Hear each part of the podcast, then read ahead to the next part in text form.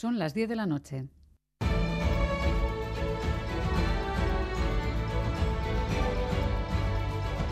Radio Euskadi y Radio Vitoria. Servicios informativos.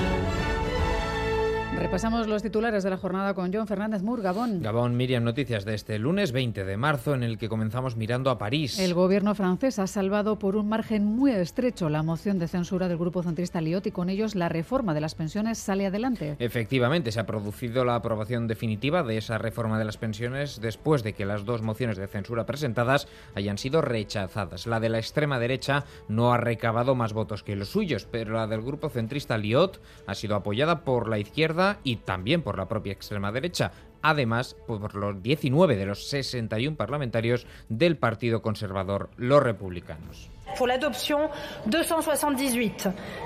Se ha quedado a solo nueve votos de salir adelante. Los sindicatos redoblan la presión y esperan una movilización histórica este jueves. Nueva Aquitania, Euskadi y Navarra han mostrado su preocupación ante el retraso del tren de alta velocidad entre Burdeos y Endaya. Lo han hecho en la reunión de la Asamblea de la Euroregión Euskadi Navarra, Aquitania, en Don Iván Eloizune. Íñigo Urcuyu, María Chivite y Alain Rousset, presidentes de las tres instituciones, han compartido el compromiso de seguir trabajando por no quedar fuera de foco y tener voz donde se toman las decisiones. Miran a París y a Bruselas y piden que se cumplan los plazos. María Chivite, Íñigo Urcuyu.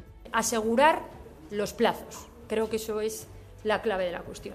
Que Francia tiene que cumplir con los plazos. Esta es una cuestión que afecta a las instituciones europeas y demandamos de las instituciones europeas en cumplimiento de lo que es el compromiso 2030.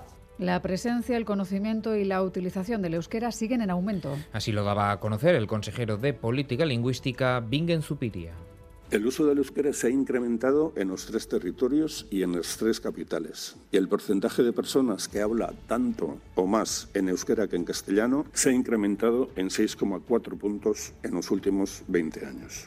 Los euskaldunberris y los euskaldunes que han aprendido en hogares bilingües se han duplicado, lo que ha llevado a consolidar una juventud vasco-hablante en un 75%. También ha mejorado la percepción hacia las políticas de fomento del euskera. Tres de cada cuatro vascos ven correcto que se pida el euskera para trabajar en la administración. Mañana en el Congreso comienza el debate de la moción de censura de Vox contra Pedro Sánchez. Es la segunda que presenta la formación ultraderechista esta legislatura, esta vez con Ramón Tamames como candidato, sin opciones de salir adelante. Lo que sí cambia frente a la de 2020 es el voto anunciado por el PP. Entonces fue un no a Bascal, ahora será una abstención. La portavoz del Gobierno Central, Isabel Rodríguez, considera que con este gesto Feijó ata su, su futuro político a la ultraderecha lo que va a hacer el señor Feijó con esta abstención no es ni más ni menos que atar su futuro político a la ultraderecha. Y terminamos mirando a Moscú. Allí se han reunido Vladimir Putin y el presidente chino Xi Jinping en un clima muy cordial, amistoso. Ambos han puesto en valor su cooperación y respecto a la guerra en Ucrania,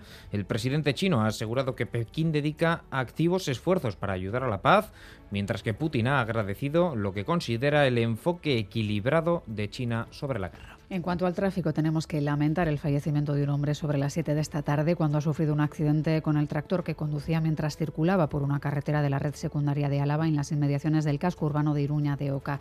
Además, el Departamento Vasco de Seguridad pide especial precaución en la BI 631 en Bermeo. Dos turismos han colisionado y se están dando paso alternativo en este punto. Es todo, así terminamos. Más noticias en una hora y en todo momento en itv.eu sin aplicación ITV Albisteac.